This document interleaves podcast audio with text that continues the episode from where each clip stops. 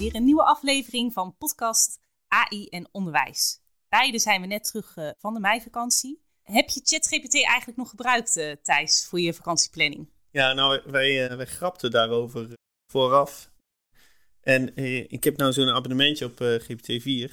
En daar had ik dus de inlaten ingegeven. Mijn prompt was: maak een vakantieplanning voor Como meer. Voor een gezinnetje van vier, twee kinderen van twee en drie jaar oud. Met goed weer en met slecht weer. En daar, nou, daar kwam een, een heel dagprogramma uit. Precies wat we konden doen met goed weer en met slecht weer. En dan heb ik hier mijn, mijn telefoon. En daar kun je een foto zien van eh, ons bij de waterval. Bij de Aquafria. En dat is dus een tip geweest van uh, ChatGPT. Dus zonder ChatGPT was ik niet bij deze waterval geweest. Kijk, prachtig. Nou, vandaag gaan we het hebben over de betekenis van AI en ChatGPT voor docenten. Wat kun je ermee? Wat mag je ermee? Hoe kan het jou als docent gaan helpen? Zowel in je les als tijdens het ontwikkelen van onderwijs. En we spreken hiervoor uh, Jan Berend Berg. Welkom uh, Jan Berend. Fijn hier zijn. Uh, je bent beheerder van de Facebookgroep ChatGPT en Onderwijs met meer dan 2700 leden op, op dit moment. Ja. En daarnaast ook docent bij Juvecta. Ik geef hier Engels. Juvecta is een agrarisch MBO, dus uh, 16 tot uh, 20-jarige studenten. Allerlei disciplines, van paardenhouderij en veehouderij tot aan groen, bloem, paraveterinair, dierverzorging. Dan vergeet ik nog een paar. Mooi. En naast uh, jou, of eigenlijk tegenover jou, zit uh, Peter Lakenman. Hoi. Bedenken van uh, Exit Ticket en coach digitale didactiek. Superleuk om hier te zijn. Ja, welkom. Nou, Thijs zijn ogen begonnen bijna te sprankelen toen uh, toen hij zag dat, uh, dat, dat jij de bedenker van Exit Ticket was. Vertel, uh, Thijs. Nou, ik in de trainingen die ik geef, maar ook toen ik, toen ik zelf voor de, voor de klas stond, gebruikte ik Exit Ticket om leerdoelen te checken. En het is een, een superhandige tool waar je aan de hand van vier, vijf vragen met je studenten of je leerlingen kan checken of je de lesdoelen van de les hebt gerealiseerd. Dus ja, uh, dank daarvoor. Ik, uh... ja, leuk om te horen dat je het uh, ja. zo gebruikt. Wordt het wat veel gebruikt? Ja, wordt heel veel gebruikt. Er zitten over de 10.000 docenten die daar gebruik van maken. Um, en inderdaad zijn er echt miljoenen, want ja, iedere docent heeft natuurlijk een aantal klassen. Dus echt miljoenen antwoorden wat er inmiddels het systeem gebruikt zijn. Even kijken, Misschien even goed hè, qua introductie van wij, Jan Berend en ik, zijn met elkaar in gesprek gekomen ik zag dat er een Facebookgroep was, ChatGPT en onderwijs. Ik dacht, nou, wellicht interessant om onze podcast daarin uh, te delen. En zodoende zijn wij in een gesprek gekomen met elkaar. Wie is overigens deze groep begonnen? Ben jij dat ook geweest? Die ben ik begonnen. Ja. Ik uh, merkte in januari ergens dat binnen andere docentengroepen op Facebook, onder andere zoals docent Engels en docent MBO, waar ik dan in zit, heel veel vragen en ook interesse was naar ChatGPT vooral. Ook andere AI, maar vooral ChatGPT. En toen ben ik, uh, dacht ja, er is, check eens even of er een groep is, dan kan ik me daar aansluiten. En die was er niet, dus toen ben ik maar begonnen. En uh, in, in die groep ook meteen gezegd, jongens, ik ben die groep begonnen. En daar dan zie je ook in eerste instantie heel veel docenten Engels en heel veel docenten uit het MBO er in eerste instantie kwamen. En op een gegeven moment heb ik twee andere die begonnen te posten ook met interessante dingen. Seb en Wilmer, die heb ik allebei gevraagd ook meteen admin te worden. En die heb ik ook meteen opgeroepen van, post ook een andere groep. Want één was docent en maatschappijleer. Ander was weer een groep mentor. En toen begon het te lopen. En uiteindelijk pak ik steeds de mensen die zelf leuke posts plaatsen. En denk van, jij, jij hebt er net meer kijk op, dus dan maak ik je admin. Met wel goed, goed kunnen. Dus zo heb ik Peter uh, binnengehengeld. En uiteindelijk heb ik jou ook gevraagd of je admin wil worden. Ja, want Peter, vertel, wat, wat voor post had jij in de groep uh, gegooid? Nou, ik ben behoorlijk uh, actief bezig met dat hele chat GPT. En ik vind het altijd leuk om met tooltjes bezig te zijn. En in al mijn zoektochten ben ik op een gegeven moment terechtgekomen bij een app die me heel erg aanspreekt uit Amerika, Copilot, Education Copilot. Daar werd ik super enthousiast van. Ik denk, hé, hey, dat ondersteunt docenten heel erg. Daar kan je allerlei dingen in maken. Maar ik denk, ja, leuk, allemaal in het Engels. Ik wil het in het Nederlands hebben. En nou ja, goed, ik heb dat exit ticket natuurlijk ook ontwikkeld. Ik denk, ik ga daar eens mee aan de slag. Ik ga zelf een eigen appje maken waarbij je dus als docent heel makkelijk gebruik kunt maken van uh, dat ChatGPT zonder dat je allerlei ingewikkelde prompts moet gebruiken.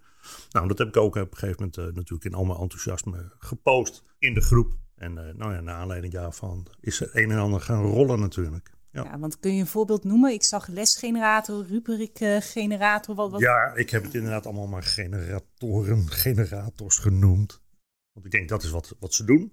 En steeds als ik weer een nieuw idee heb, en het zijn eigenlijk ook ideeën die, die ik zelf gebruik in mijn les, of waarvan ik denk, ja, dat is wat, wat mijn leven makkelijker zou maken. Zo'n zo'n rubric generator, generator, dat, dat is iets waar, waar, je- waar je best heel veel tijd mee kunt besparen. Met alle leerdoelen waar we mee bezig zijn op scholen. Wil je dat toch ook toetsen, of wil je dat in ieder geval kenbaar maken middels een rubriek van waar, sta ik? En dat is best een hele klus om die goed te maken. En, maar ja, hey, AI. Dus waarom eh, maken we niet gewoon een tooltje die dat, eh, die dat kan? En dat is inderdaad ook eh, de, de tool die het meest gebruikt wordt, zie ik. Dus dat is wel meteen in, de, in de spotlight, om het zo te zeggen. Maar goed, meerdere tools hoor, die er nu eh, op staan. Ik heb zelfs vanmiddag nog eentje gemaakt. Wat heb je vanmiddag gemaakt? Een, een, een toeltje om eh, toetsen eh, te maken. Waarbij je dus even het onderwerp aangeeft. En dan vervolgens moet je even aangeven hoeveel meer keuzevragen wil je erin. En hoeveel open vragen wil je erin. En daarna kun je nog even aangeven wat de volgorde moet zijn. Of je eerst de open en dan de meer keuze. Of deze door elkaar wil hebben en al dat soort zaken. Nou, daar ben ik dan eindeloos mee aan het fine-tunen, moet ik eerlijk zeggen. Maar dat vind ik gewoon leuk om te doen. En uiteindelijk heb je dan een kant-en-klaar product. Waarbij je dus alleen maar die drie veldjes hoeft in te vullen als docent zijn. En dan komt de toets uit zoals jij over het algemeen eh, dat zou willen hebben. Ik zelf denk altijd dat je dat gebruiken als een, een beginpunt voor je werkelijke toets. Want het is nog steeds AI en, en geeft nog steeds sociaal gewenste antwoorden. Ook als hij geen antwoord weet, geeft hij een antwoord, maar geheel onzin.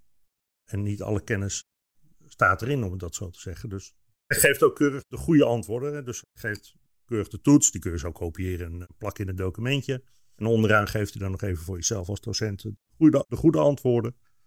Maar dat is nog wel even iets om eh, te checken als docent zijn. Want Ja. eh, ieder zijn vak natuurlijk. En als ontwerper hou jij dan rekening met hoe moet een goede toetsvraag eruit zien en dat, dat die daar rekening mee houdt? Of Ja, het mooie is van, eh, van, van die tool is dat je er een soort assistant in kan plaatsen. Dus een documentje van dit is de basis, zeg maar. Zo, zo, zo werkt een en ander. En daar houdt hij dan rekening mee. Maar ja, daar heb je weinig zeggenschap verder over. Ja, precies. Ja. Dus dat is de inhoud die je eventueel kan delen. Ja. En dan, hè, vaak is het ook het formuleren van een goede toetsvraag kan soms ook nog de Ja, moeilijkheid zetten. absoluut. Maar daarom zeg ik ook van het is een basis voor jezelf te maken toets. En, en zeker ook met die generatoren voor generators. Ik vind het altijd een rotwoord om het zo te zeggen. Waarom heb ik dat zo bedacht? Mm, Met die tooltjes die, die bijvoorbeeld een heel lesplan maken of, of dat soort zaken. Het is altijd een beginpunt. Vanaf daar, het brengt je op nieuwe ideeën als docent.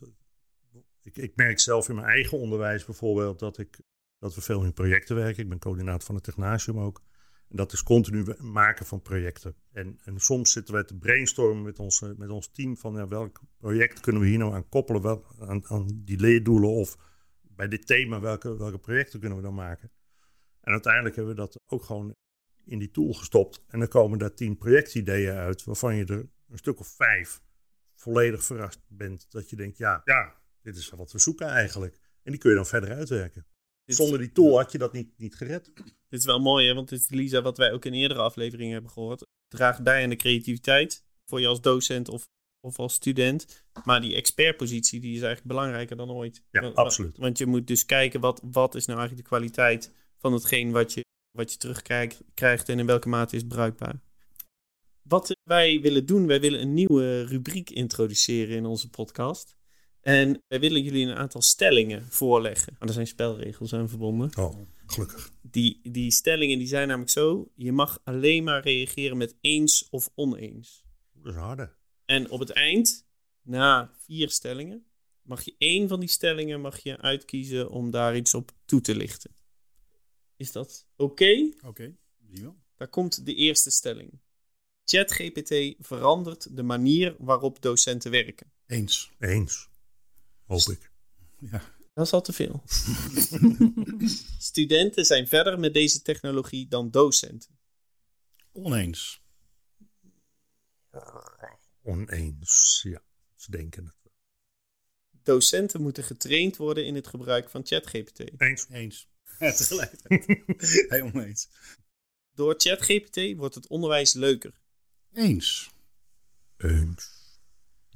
Oké, oké. Ik merk dat het format soms nog een beetje lastig is. Hè, met, met alleen eens of Ja, oneens. dat is lastig hoor. Maar Ik denk dat er wel her en der wat toelichting gegeven wil, wil worden. Laat ik even bij jou beginnen. Maar welke? Wat was de ene laatste ook weer? Toen dacht ik... van- Docenten moeten getraind worden in het gebruik van ChatGPT. Ja, natuurlijk.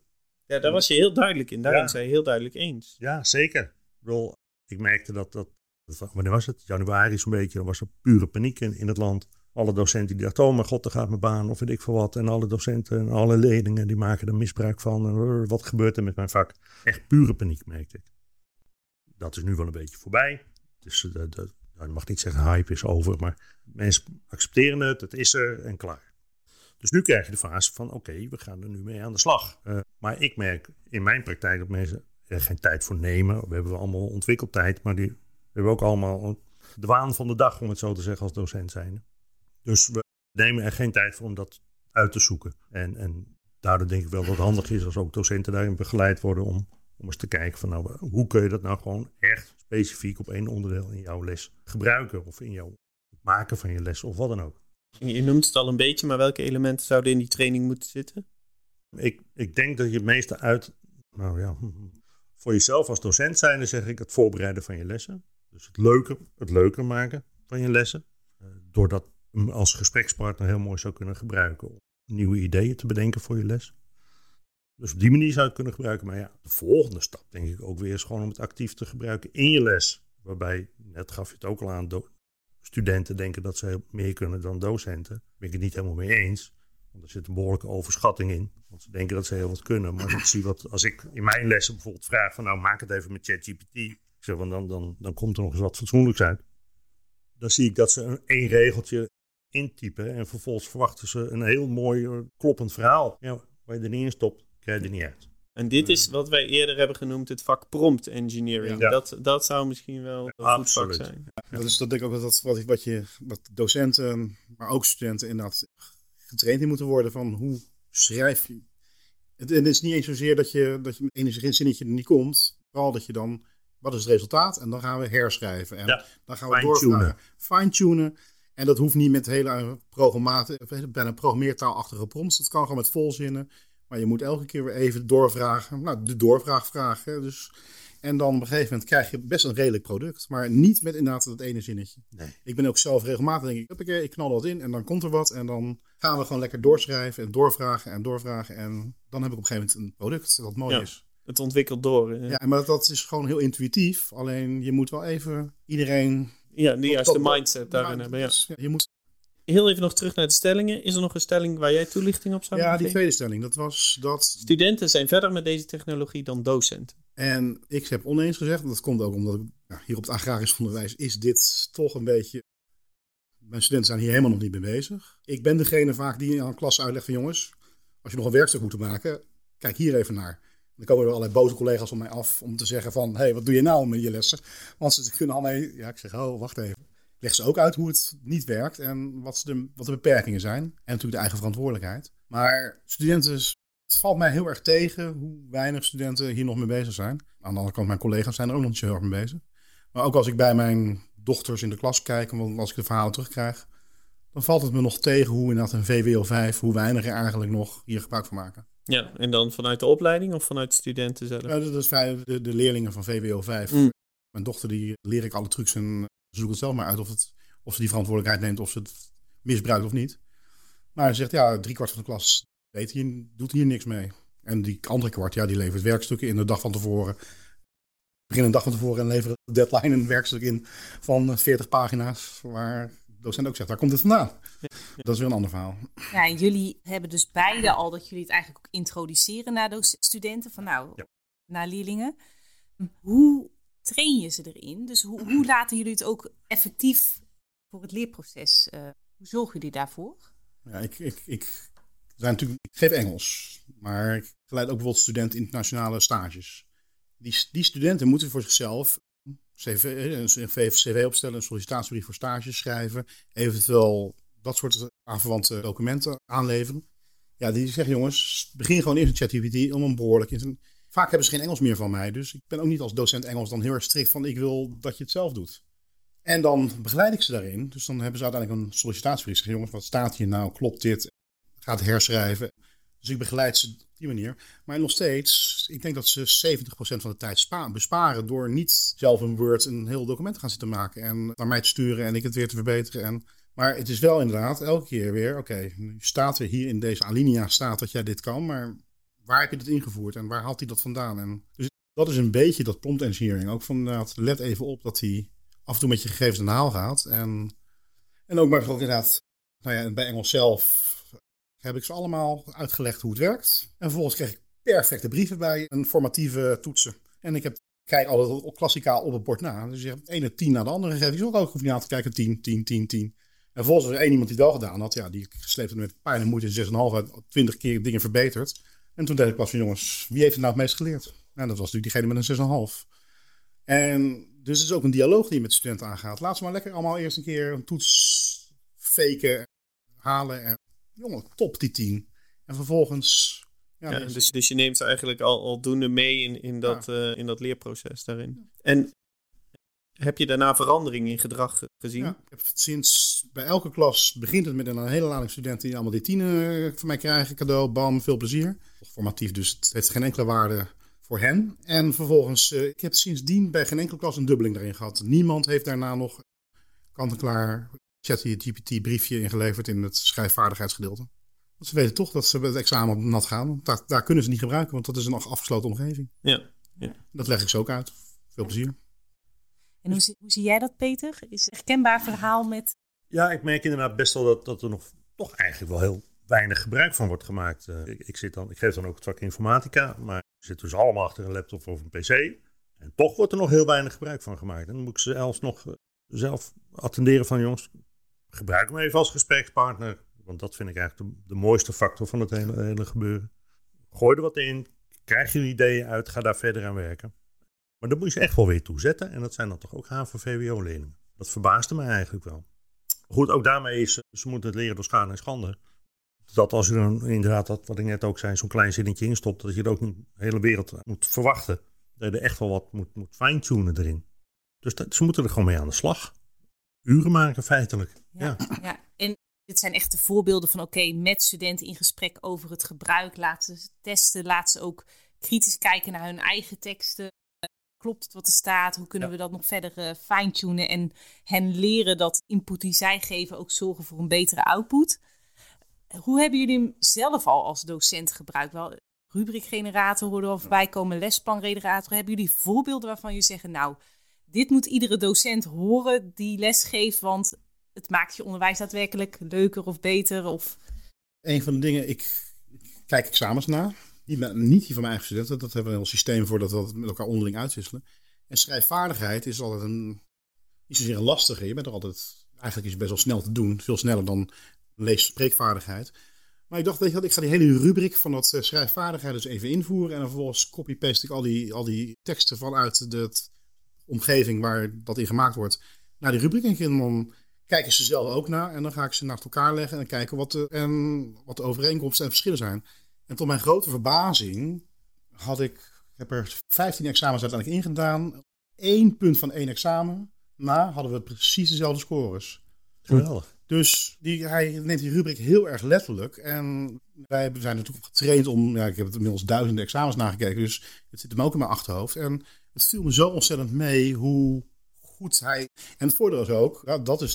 Ik heb uiteindelijk ga ik nog niet examens door het ding na laten kijken, maar ik doe nu parallel. En in plaats van als ik bij een verantwoording moet schrijven van hier en hierom heb ik dit cijfer gegeven, ja, dat copy-paste ik nu gewoon uit ChatGPT. Want ja, ja. en dan kijk ik weer kritisch naar, denk ben ik ja, ben het mee eens, huppakee, klaar. En dit scheelt mij weer. Nou, schrijfvaardigheidskraam nakijken kost tussen de 5 en 10 minuten. MBO is niet zo zwaar als bij het VO. Maar het is nog steeds, ja, ik moet er de komende weken honderden nakijken. Ja, als ik dat van vijf minuten naar vier minuten kan brengen, omdat ik er niet meer commentaar bij hoef te schrijven, ja. dan, uh, dan bespaar ik me, nou ja, uiteindelijk bespaar ik mezelf, denk ik, misschien 20, 30 procent van de tijd door dit te doen. En, en, dit, is, dit is natuurlijk heel specifiek een schrijfexamen. Ja. Uh, we hebben in eerdere podcast hebben we ook uitgelegd, hè, het is, ChatGPT is gebaseerd op een large language model. Dus dat, dat is per definitie geschikt voor voor taal. En, en nu hebben we het over de beoordeling van schrijven en taal. Dus ik kan me voorstellen dat hij daar heel nauwkeurig is. Denk je dat hij ook op andere vakgebieden heel nauwkeurig is? Ja, nou, ik weet dat hij bij wiskunde nogal alle kanten op gaat. Dat, dat, als je in internationale docentengroepen ziet, dan zijn wiskundedocenten de ene keer zeggen ze halleluja, wat zie ik hier nou? En de volgende keer zeggen wat gebeurt er nu? Maar goed, ik denk alle, alle, alle moderne vreemde talen en Nederlands, daar zal hij het goed doen. Hoewel hij het bij Engels het beste doet. Dan moet natuurlijk, de database van Engelse teksten is het grootst. En ik merk gewoon dat hij bij Nederlands ook af en toe wel rare dingen doet. Maar taalbeoordeling is daar, ja, denk ik, het beste voorbeeld van. Maar ik zie ook wel bij andere eh, docenten scheikunde die het laatst inderdaad dan wel een Engelstalige groep die ook inderdaad, uh, inderdaad antwoorden van studenten erin gooide en keek. En waar die toch inderdaad. Maar je moet het, wat, wat, wat Peter ook al zegt, je moet altijd checken. Het is niet zo dat je dat blind natuurlijk honderd examens kan gooien en denkt, oké, het zal wel. Je moet altijd even kijken, oké, klopt. Of, nee. Ja, maar het is, het is toch wel significant te noemen dat als je met 15 checkt en er zit er bij één maar één kleine kanttekening naast. Hè, en dat is geen legitimering om het vervolgens ongecontroleerd te doen, want die expertpositie is dus wel belangrijk. Je krijgt wel redelijk betrouwbare antwoorden. Ja, ik heb het ook meteen teruggekoppeld naar bureau ICE, TOA, die die examens mhm. maken. En die gingen ermee aan de slag. En ik ga de komende weken ga ik er honderden doen. Dus dan ga ik ze allemaal. Dan hoop ik dat ik als ik het percentage van 95% of meer overeenstemming weet te behouden. Dan, uh, ja, dan ga ik ook weer terugkoppelen naar hun. En dan vraag ik me af of ze dat niet als dienst moeten gewoon aanbieden. Ja. Van schrijven wordt door ons nagekeken en uh, ja. alleen de onvoldoendes moet even gecheckt worden. Dat, dat zou je dan. Ja, want op een gegeven moment kom je dan ook op, op een vraag: hoeveel effort wil je er of moet je erin stoppen als docent? Hè? Want als je het over honderden schrijfexamens hebt, waar je ieder vijf minuten mee bezig bent, terwijl je een foutmarge van 5% of minder hebt, dan, dan, kom je ook wel bij, bij uh, vragen uit of, of dat je daar dan dus die tijd in moet. En wij moeten elk jaar kalibreren met elkaar om te zeggen, zorgen dat we overeenstemmen. En dan, dan wij verschillen meer met elkaar dan dat ik ja, verschilde van het. Ik maak me ook als docent nul zorgen over de toekomst van mijn werk. Ik denk eigenlijk geen enkele docent in Nederland te doen die, er zijn bureautjes die dus voor scholen dit nakijkwerk uit handen nemen. Nou, voorlopig voor spreken en gesprekken zullen ze dat nog moeten doen. Ik vraag me af of er een hele, op lange termijn een toekomst is voor dit soort werk. Want ja, heel veel scholen kunnen dit. Ik denk ook zodra GPT 5 of wat dan ook eraan komt, dan kan waarschijnlijk ook audio ingeladen worden. Ja, dan gaan we de volgende stap in. Ja. En hoe ver kan je dan ja. ook presentaties beoordelen en als tenslotte ook gesprekken? Nou, in het begin was er, was er eerst, hè, ook wat jij straks zei, uh, de, eigenlijk de angstfase waarin uh, mensen dachten we worden vervangen door AI. Volgens mij is, is de, het gesprek daarin wel veranderd. We worden vervangen door mensen die als hulpmiddel ja. gebruiken. Ja. Ik hoor jou eigenlijk diezelfde, diezelfde kanttekening maken, omdat je ja, eigenlijk gewoon een, efficiënte tijdsbesparing kan maken. Ja, en nu kan je gewoon zeggen, ik, zoals een arts tegenwoordig uh, zijn röntgenfoto's door een computer laat scannen en alleen nog gezegd, wil je even op die stipjes letten, kan je nu gewoon zeggen, ik, ik laat 100 examens nakijken en ik pak er twee steekproef of tien steekproefvrijheid uit, maar dan, doe je ze in met 10% van het werk. Ja. En jullie uh, gaven net bij de eerste stelling aan, ChatGPT verandert de manier waarop docenten werken. Eens. Als ik dit verhaal hoor van jou, dan denk ik, oké, gaat het dan überhaupt niet veranderen? Want als zo'n schrijfvaardigheid op deze manier met zo'n snelheid nagekeken kan worden, kan je natuurlijk ook adaptief feedback gaan geven, maar misschien ook weer lesmateriaal gaan aanbieden. Zien jullie die ontwikkeling ook uh, dat je zegt, nou, daar gaat het wel heen? Nou ja, gaat het heen. Daar, zijn we toch. Ja, mag ik hopen. Hmm. Met, als ik dan nu ook al zie bij mijn vak, dan moeten ze bijvoorbeeld een reflectieverslag schrijven over wat hebben ze geleerd, hoe hebben het gedaan, enzovoort, enzovoort. Nou, dat, dat kijk ik ook niet echt meer helemaal zelf naar. Dat laat ik in ieder geval door een goede prompt uh, die ik geschreven heb daarvoor nakijken. En genereert dan ook een cijfer. Die gebruik ik wel puur als indicatie, want als ik datzelfde werk nog een keertje doorheen gooi, dan komt het toch soms met een ander cijfer aan. En dan denk ik, ja, en met een prachtige onderbouwing nog steeds van het cijfer hoor, want ik geef altijd gewenste antwoorden.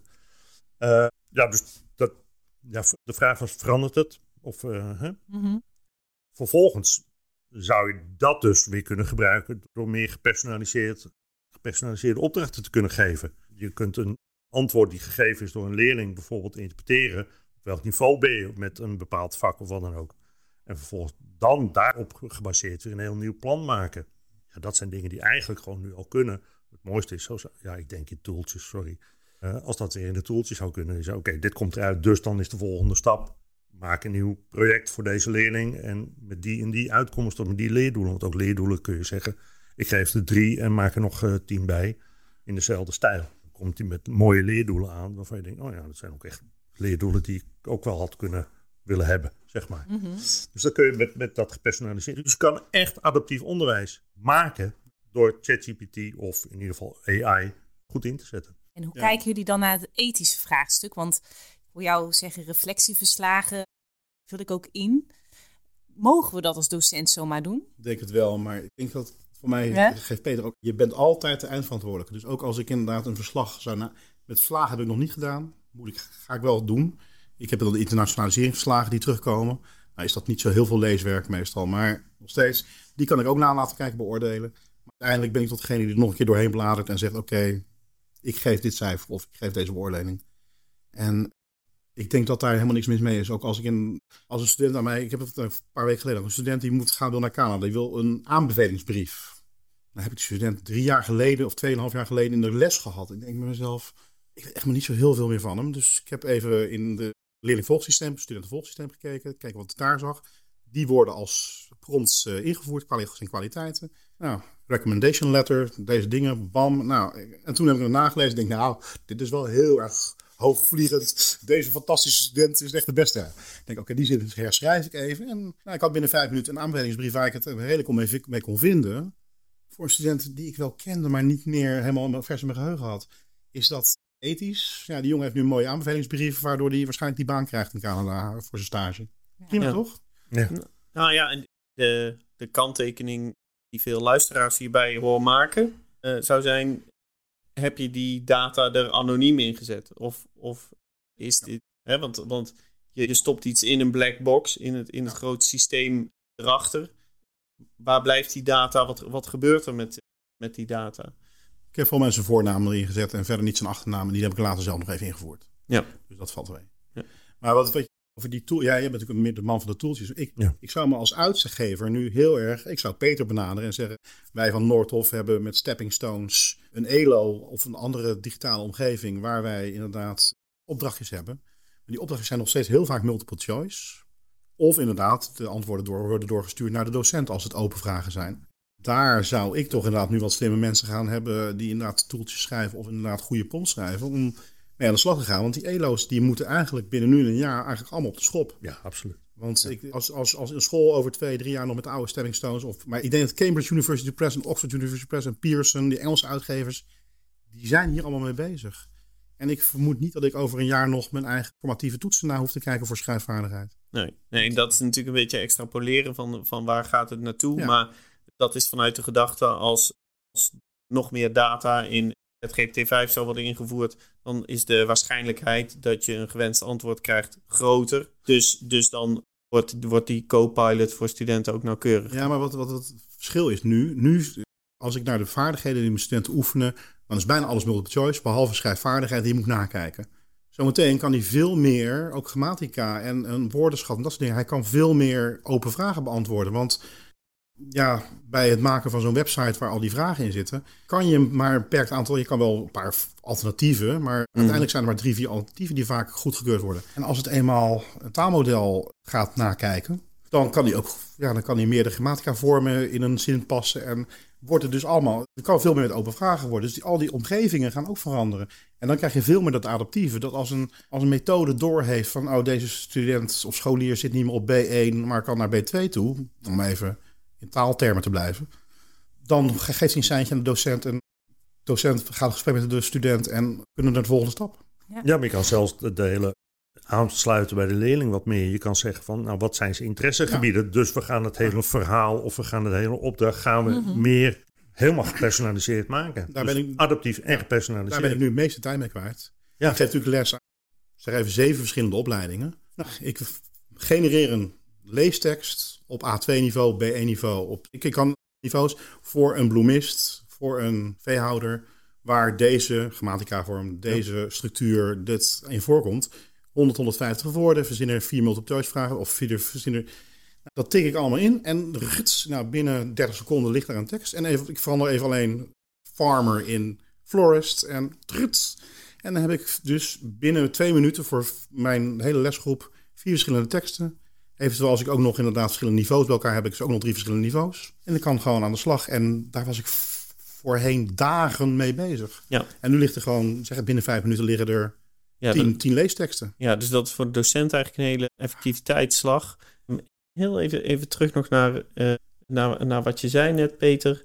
Eh, klopt het dat, ik, dat jij verwacht dat er, dat er over twee jaar iedere student zijn persoonlijke assistent heeft?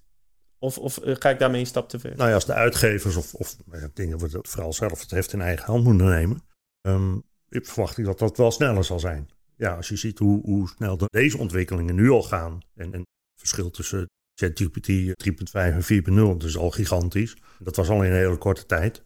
Eh, dus, dus wat er gaat komen wordt natuurlijk gigantisch mooi. Als we die tools nou handig kunnen inzetten, of in ieder geval zo kunnen fabriceren dat ze op elkaar aansluiten voor het onderwijs, dan hebben wij echt binnen, zeker wel binnen een jaar, zo'n volledig gepersonaliseerd iets. Er zijn een aantal uitgevers die natuurlijk nu al heel mooie dingen maken. Ehm, maar als we dit combineren, ja, dan heb je adaptief gepersonaliseerd onderwijs.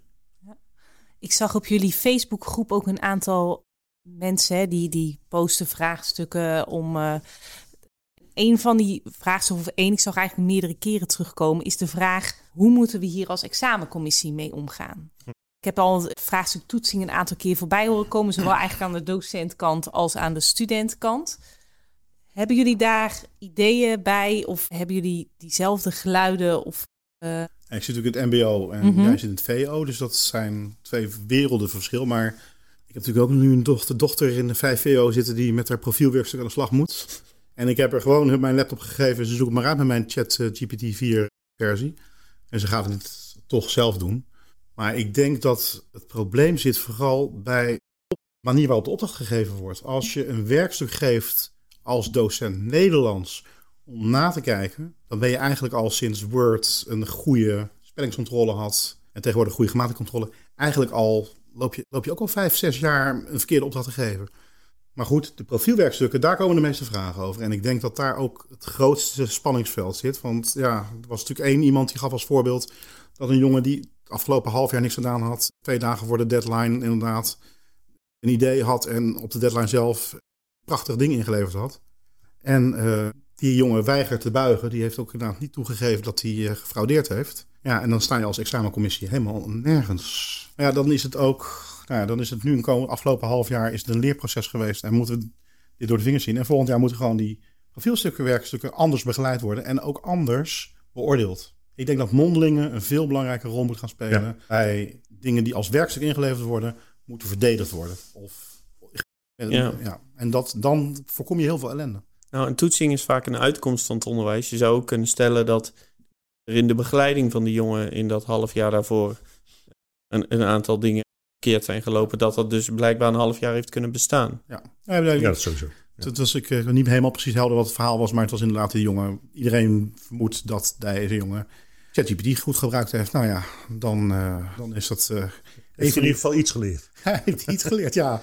Dat is ook wel waard. En, en wellicht dus een van de meest belangrijke vaardigheden voor de maatschappij van morgen. Ja. Ja, dat ook nog eens. Dat Ja, dat is wel omdenken. Zeker. En je kunt misschien dan als docent weer het werkstuk in ChatGPT zetten van stel eens een paar kritische vragen over dit stuk. Dan heb je bij wijze van spreken... Maar ik kreeg ook heel veel antwoorden van mensen die zeiden van dan moeten ze volgend jaar gewoon, dan moet iedereen maar nu op school aan, aan, aan werken.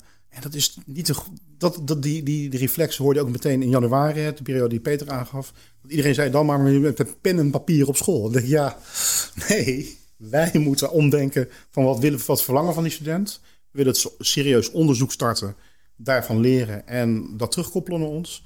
Ja, dan moeten we dan naar de opdracht kijken. Hoe formuleren we profielwerkstukopdracht. En hoe gaan we dat controleren of die student er iets van geleerd heeft? Nou ja, dat is dus inderdaad volgens mij meer een interview of inderdaad een verdediging van een onderwerp. En ook inderdaad, ze moeten zelf onderzoek doen. Nou, laat maar zien waar je het onderzoek gedaan hebt. Ja, maar sowieso als je veel dingen wat meer in projecten stopt, hè, dan heb je sowieso heel mooi onderwijs, vind ik. Dan heb je dat, die hele discussie ook wat minder. Feitelijk lopen we in het onderwijs altijd wel een beetje achter de feiten aan, want we bedenken nu dingen voor volgend jaar, maar volgend jaar is het leven weer helemaal anders. En, en zeker bij de, bij de eindexamens. Examens worden geloof ik twee of drie jaar van tevoren gemaakt. Ik denk, mijn hemel, wat gaat er gebeuren de komende jaren? Dat, dat, we lopen helemaal langs elkaar heen op die, op die manier. We bedenken iets, maar het wordt op een totaal andere manier. Het leven wordt gewoon even anders. Ik had, eh, ik had vroeger, toen ik in groep 6 zat, had ik een eh, basisschooldocent. En die, eh, die zei toen tegen mij, ehm, we hadden een rondje gedaan in de klas, wat wil je later worden? En toen toen zei hij tegen de groep van, ja, jullie komen over twintig jaar komen jullie in het werkveld terecht. En dan kom je waarschijnlijk in een baan die nu nog niet bestaat. En dat had hij er dus toen over, dat dat over twintig jaar was. Inmiddels zitten we denk ik in een situatie waar studenten nu naar school gaan en dadelijk in een baan terechtkomen die over drie jaar of over vijf jaar nog niet, nog niet bestaat. Ja, dit, dat cirkeltje wordt ook al korter, inderdaad. Ja. Ik weet niet hoe het VO is, maar het MBO is natuurlijk heel veel jaren aandacht besteed aan die 21st century skills. Dat rommelt maar voor en we doen er wel wat mee. Het is niet altijd concreet, het is niet een vak dat we aanbieden, maar het is natuurlijk wel een pakket aan, aan, aan, aan onderdelen die we in allerlei verschillende vakken terug zien komen. En daar valt, ja, daar moeten we gewoon nog meer mee gaan doen. 21st century skills moeten gewoon inderdaad, je moet gewoon die flexibiliteit vooral van oké, ik ben opgeleid om dit te worden en nu, we zijn, wij hebben natuurlijk ook opleidingen zoals opleiding GGI, de Groen Grond Infra, oftewel het ouderwetse loonwerk. Ja, er komen op een gegeven moment komen er robot, robottrekkers, die zijn er al, dus mogen in Nederland niet gebruikt worden, maar die gaan binnen nu in tien jaar gebruikt worden. Nou, dat betekent niet meer dat een jongen inderdaad met zijn trekker naar een weiland rijdt en dat gaat ploegen. Nee, je gaat met een dieplader met drie trekkers naar drie weilanden. Die programmeert ze in, hij gaat naar de volgende. En tegen de tijd dat hij de derde eruit gezet heeft, kan hij terug naar de eerste om die op te pikken, om die weer in een weiland. Ene jongen kan uiteindelijk drie keer zoveel werk doen. Ja, dat, maar die jongen moet opgeleid worden om inderdaad niet inderdaad alleen maar de cabine van zijn trekker te kennen. Die moet uiteindelijk ook een beetje ICT-vaardigheid eh, hebben. En blijven leren. En blijven leren. Ja. Goed, ik stel voor dat we richting de afsluiting gaan. Lisa, dan, dan kijk ik even naar jou. Wat, wat zijn de voordelen voor, voor docenten? Nou ja, ik denk dat we al veel voorbeelden gehoord hebben hè, van je moet het gewoon als docent eens gaan uitproberen. Als dat al nog niet gebeurd is, om te kijken van hoe kan je je werk efficiënter, maar ook beter maken. Hè? Want ik hoor jullie zo wel zeggen van, nou, hij genereert feedback waarvan ik precies denk, nou, die had ik bij wijze van spreken zelf nog niet eens kunnen formuleren. Tot leuke lesideeën, projectideeën en, en toetsvragen. Ik vond de rubriek die Peter aangaf ook, ook wel een, een goede. En, en uh, wat jij aangaf, Jan Berend, met, met Engels. Hè, ja. 15, 15 examens erin en van ja. 14 een zeer vergelijkbaar oordeel. Dus het kan je efficiëntie daarin daarin zeker vergroten. En uh, kanttekeningen. Want ik denk dat dat misschien iets minder expliciet uh, ter oren is gekomen. Ja, nou, ik hoor eigenlijk twee geluiden. Ik hoor jou zeggen, nou, binnen twee jaar, ik denk dat we er al sneller zijn. En tegelijkertijd starten we ermee dat we eigenlijk zeggen, ja, zowel leerlingen als docenten, ja, zie je ook nog niet eens dat ze het daadwerkelijk gebruiken. Dus, nou ja, die gap ben ik wel heel benieuwd van hoe gaat dat de komende twee jaar eruit zien? Absoluut. Ja. Echt een gap. Ja. Ik denk dat de ontwikkeltijd die we allemaal hebben, dat die door scholen ook actief ingezet moet gaan worden om inderdaad workshops echt te geven. Ja. Ik denk ook dat er nog een beetje onderschat wordt. Ik denk het ook. Van, nou ja, we zijn allemaal even paniek. Nu gebruiken we het en nou ja, het zal wel weer. Mocht je deze discussies ja. en vragen willen volgen, volg in ieder geval de Facebookgroep ChatGPT en uh, onderwijs. En voor nu uh, bedankt. En uh, misschien nog de, de LinkedIn pagina. Ik kijk even, even naar jou, want ik heb... Ja, die gaan we nu openen. Dus mocht je heel actief zijn op LinkedIn en niet op Facebook, dan uh, laten we die uh, actief ja. gaan inzetten. Chat GPT en onderwijs op LinkedIn en op Facebook.